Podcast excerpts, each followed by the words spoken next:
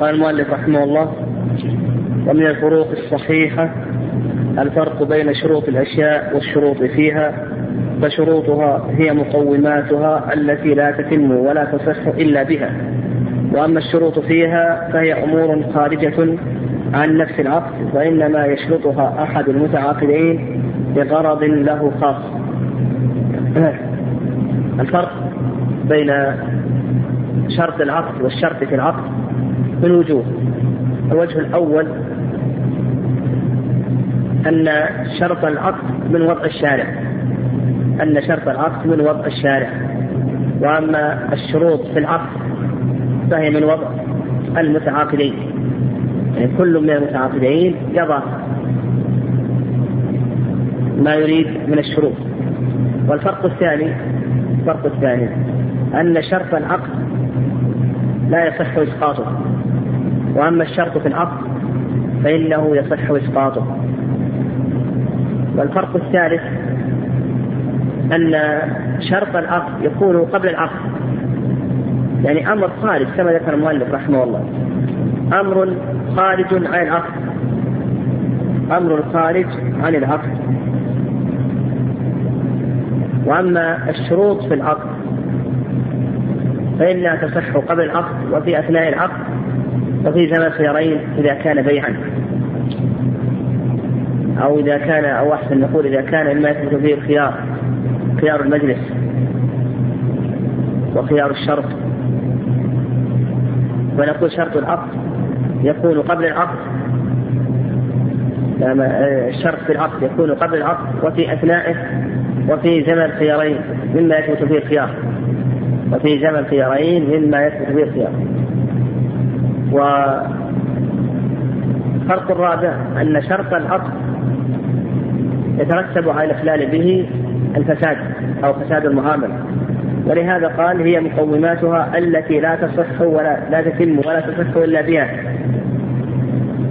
وأما الشرط في العقد الشرط في العقد فإنه يترتب على الإخلال بها الإلزام الإلزام بهذه المعاملة فلمن له الشرط ولم يوفى له به؟ وبالخيار إما أن يفسخ إما أن يفسخ وإما أن يستمر. يعني يكون العقد في حقه ليس لازما هذه الفروق. قال وإنما يشرط أحد المتعاقدين لغرض له خاص وهي تثبت مع الشرط إذا كانت صحيحة وهي الشروط التي لا يدخل في محرم ولا تخرج عن واجب ويجب اعتبارها فالمسلمون على شروطهم. نعم هنا ذكر المؤلف رحمه الله نعم أو أشار إلى أن الأصل في هذه الشروط الصحة ولهذا قال تثبت مع الشرط إذا كانت صحيحة وهي الشرط التي أو الشروط التي لا يدخل في محرم ولا تخرج عن واجب. يعني هذه الشروط إذا كانت لا تؤدي إلى فعل محرم أو ترك واجب فإنها شروط صحيحة. لعموم لعموم قول الله عز وجل وأوفوا بالعهد إن العهد كان مسؤولا. وأيضا حديث أبي هريرة رضي الله تعالى عنه أن النبي صلى الله عليه وسلم قال المسلمون على شروطهم. قال وحق الشروط يعني وفى به ما استحلت به الفروج فكلها حق يجب الوفاء بها خصوصا الشروط في النكاح قال الوفاء بهذه الشروط واجب.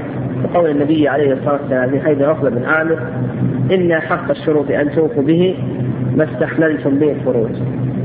وأما التفريق بين الشرط في النكاح والشرط في البيع فقالوا الشرط في البيع يجب الوفاء به. وأما الشرط في النكاح لا يجب الوفاء به يستحب. هذا المشهور المذهب. يعني مثلا لو قال بعتك السيارة بشرط أن أستعملها لمدة أسبوع. هذا شرط في عقد البيع يجب الوفاء به. شرط في عقد البيع يجب الوفاء به. أما في عقد النكاح قالوا يستحب الوفاء به. مثلا لو قالت المرأة قبلت هذا النكاح بشرط ألا تخرجني من داري أو من بلدي. إلى آخره. فيقولون بأن هذا شرط لا يجب الوفاء به بل يستحب. يعني الصواب أنه أن شرط البيع والشرط في النكاح أن الشرط في البيع وأن الشرط في النكاح هذه كلها يجب الوفاء بها هذا الصواب. بل إن الشروط في النكاح آكد. الوفاء بها آكد. لأن النبي عليه الصلاة والسلام أكدها بقوله إن أحق الشروط أن توفوا به ما استحللتم به الفروج. هذا هو أحق الشروط.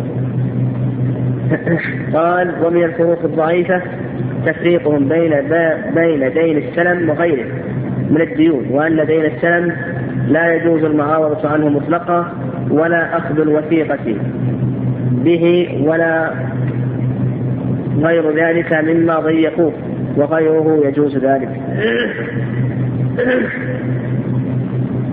يقول هذا من الفروق الضعيفة.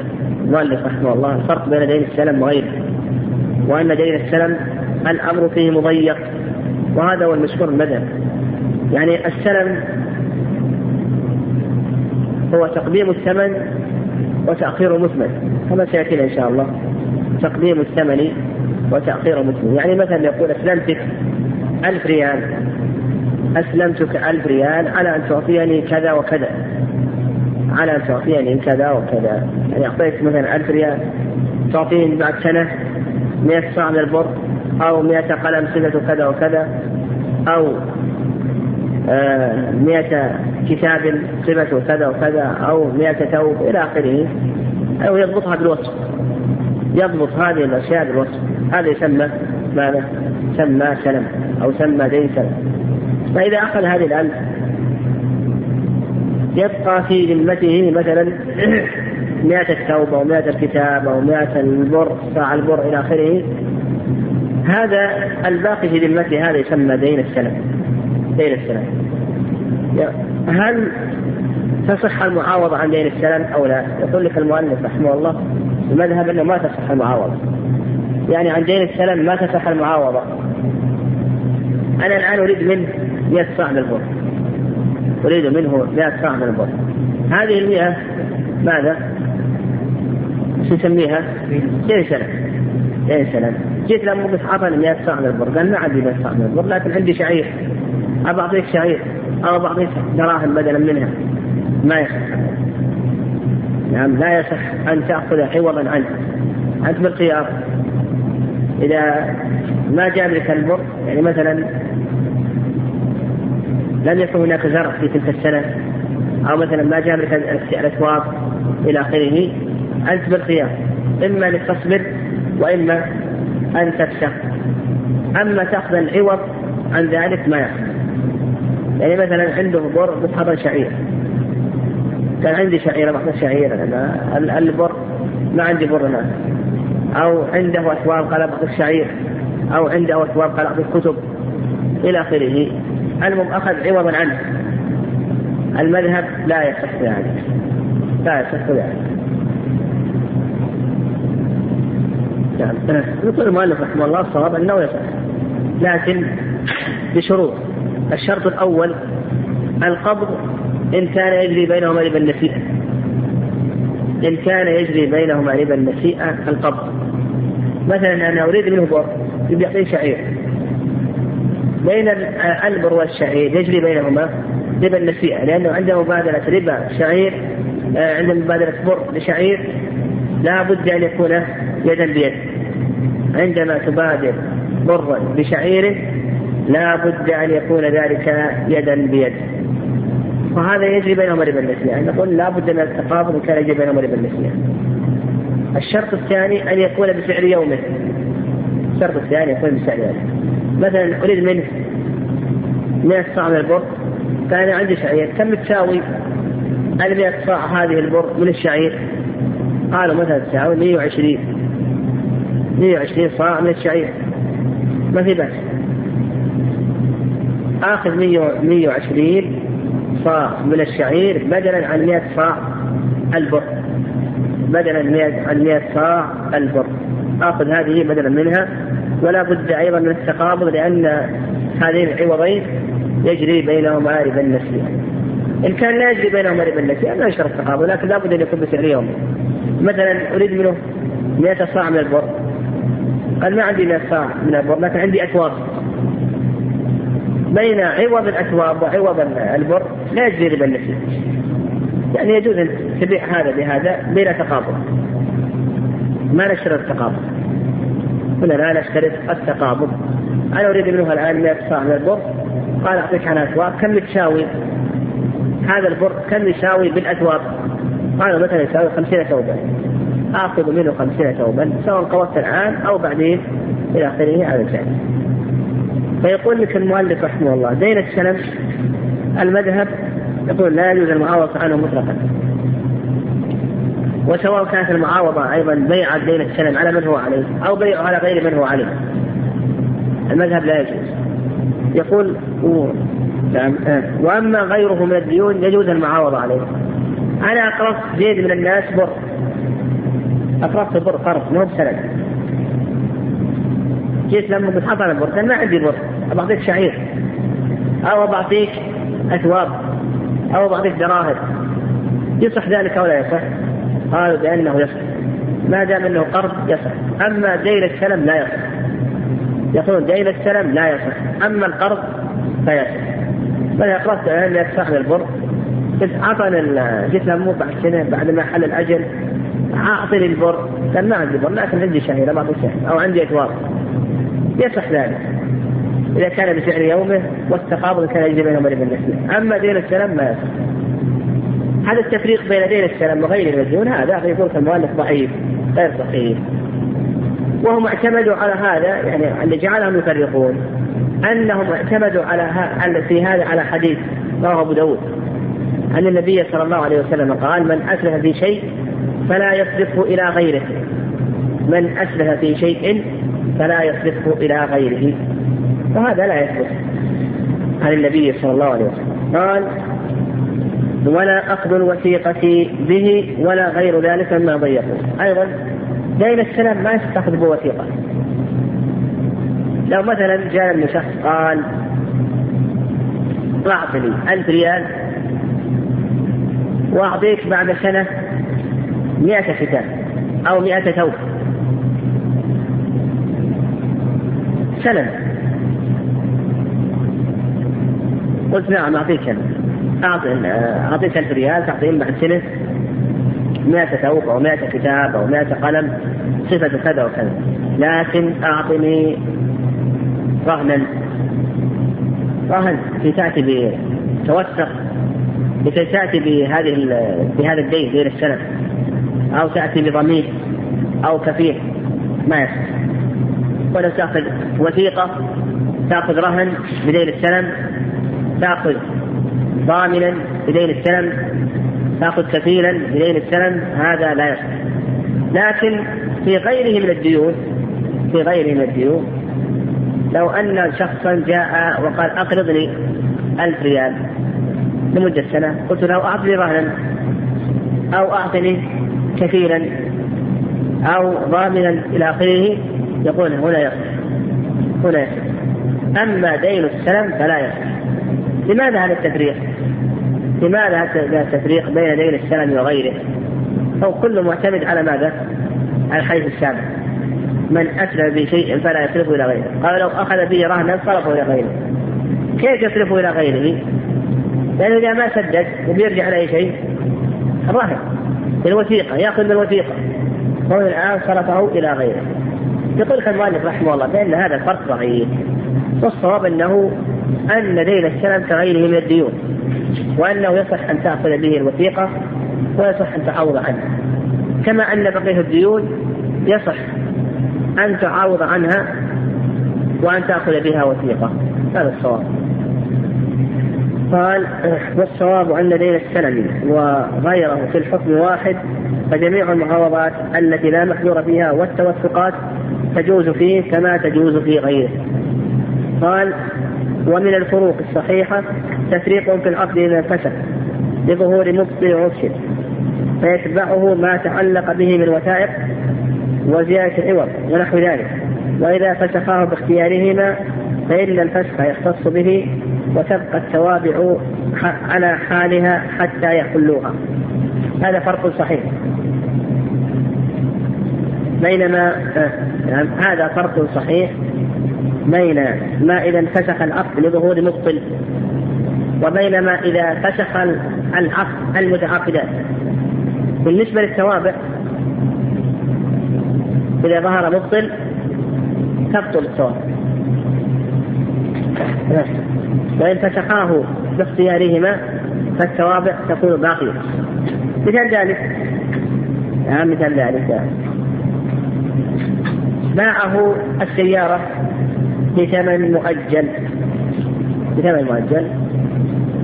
وقال البائع أعطني على هذا الثمن المؤجل ضامنا. أعطني ضامنا.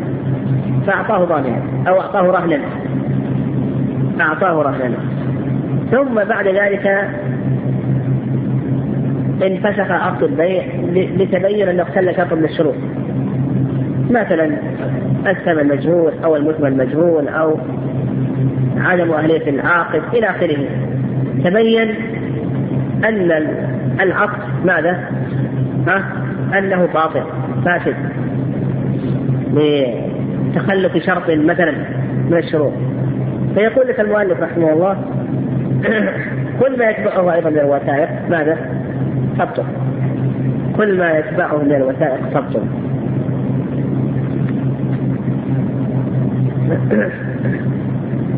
فالذي يتبع عقد البيع ماذا؟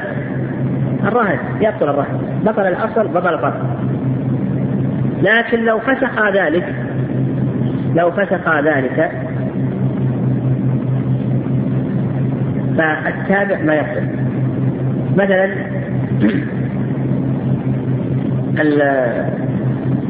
باعه السيارة بثمن مؤجل وأخذ رهنا على ذلك. أخذ رهنا على ذلك.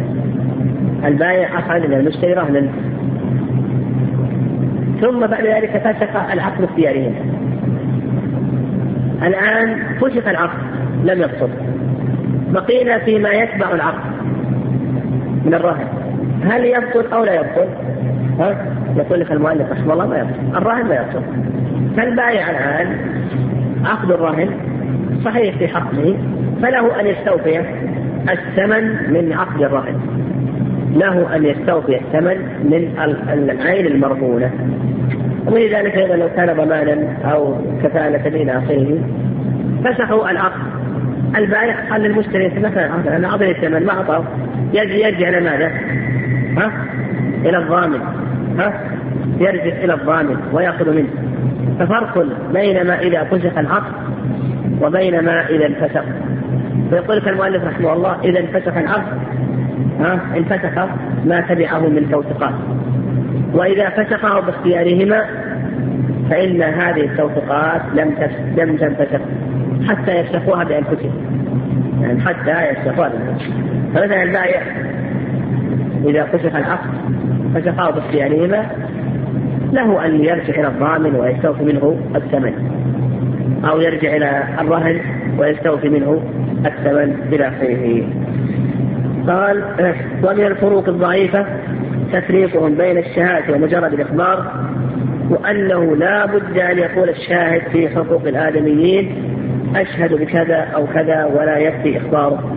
والصواب أن الإخبار الجازم هو الشهادة بعينها يعني في حقوق الآدميين لو قال لو أخبر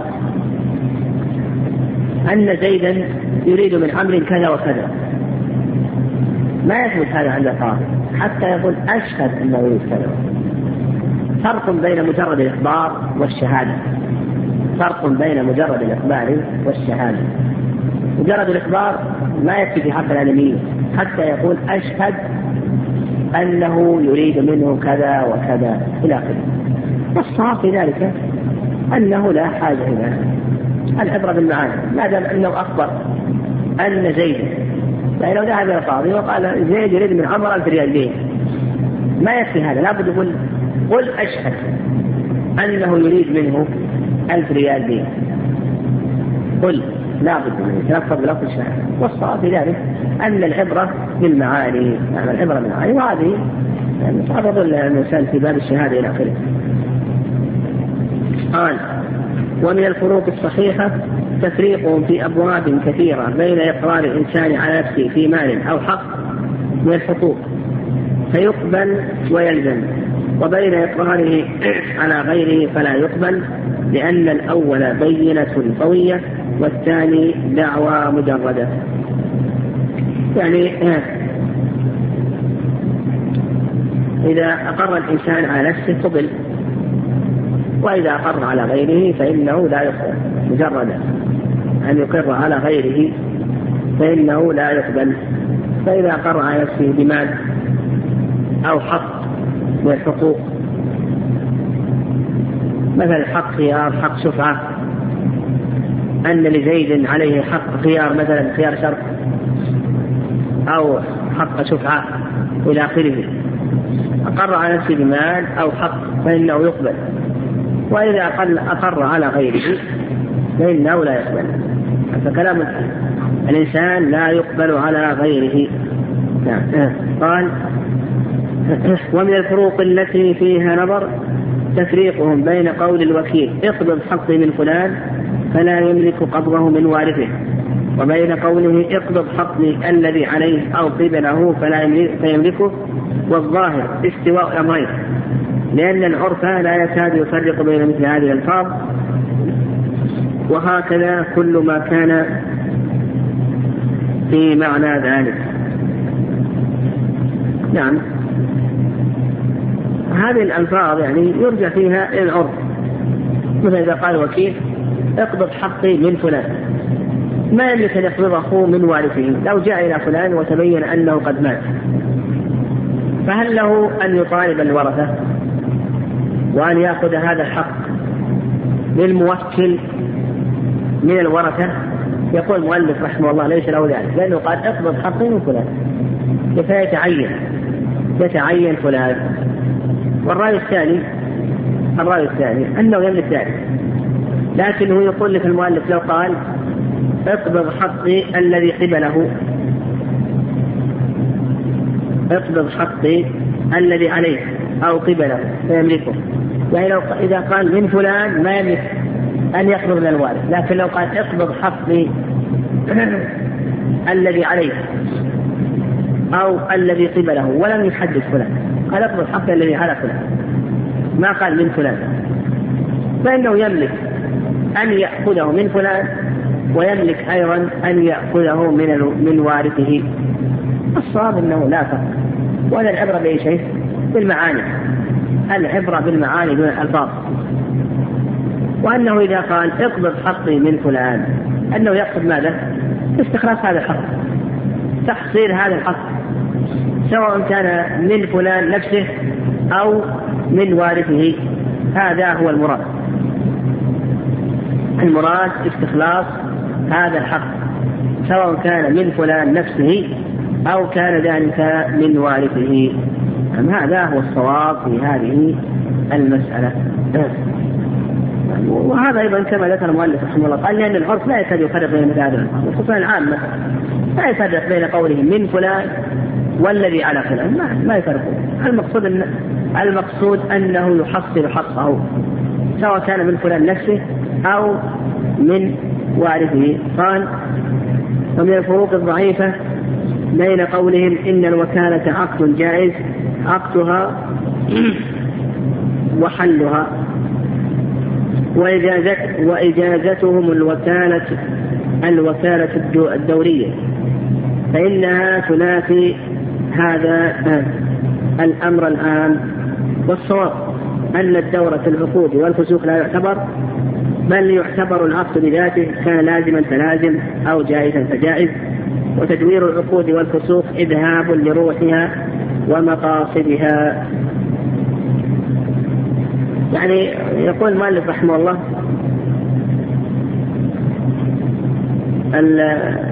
يقول من الفروق الضعيفة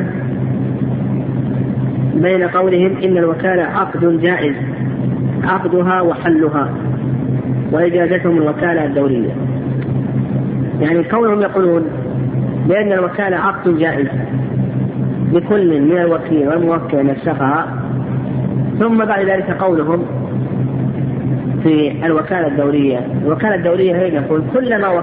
كلما عزلتك فقد وكلتك. كلما عزلتك فقد وكلتك.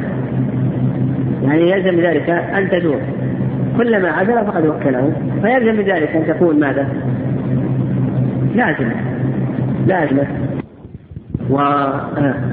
وتدوير العقود والفسوق يقول المؤلف رحمه الله أيضا ضعيف. لا بد من عقد مستقل بذاته أو فسخ مستقل بذاته. تدوير العقود والفسوق يقول المؤلف رحمه الله بأنه ضعيف. لا بد من عقد مستقل بذاته. فقوله كلما عجلت فقد وكلتك يقول المؤلف رحمه الله بأن هذا ضعيف. المهم ما يتعلق بالعقود الدولية أو ومن ذلك الوكالة الدولية كنا نقول بأن الوكالة عقد جائز لكل منهم أن يفسخها ثم نقول بجواز الوكالة الدولية هذا فيه نظر لأن الوكالة الدولية أصبحت ماذا؟ لازم كلما عزلتك فقد وكلتك. تدور. نعم. قال قال رحمه الله ومن الفروق الضعيفة قولهم إذا قال مدعي ليس لي بينا وأحضرها لم تقبل لأنه مكذب لها. وإذا قال لا أعلم لي بينة ثم أحضرها قبلت لأنه لم يكذبها فإقامتها لا تنافي قوله. والصواب أنه إذا أتى بالبينة العادلة الشرعية قبلت سواء نفاها أو لم ينفها لأنه إنما نفى في الحقيقة العلم. بها فقد يكون عالما بها ونسيها وقد تكون شهدت في حالة لا يعلمها فكلامه إنما هو إخبار عن الحالة التي يستحضرها. أيضا تفريق العلماء رحمه الله والفقهاء مشهور مذهب بين قول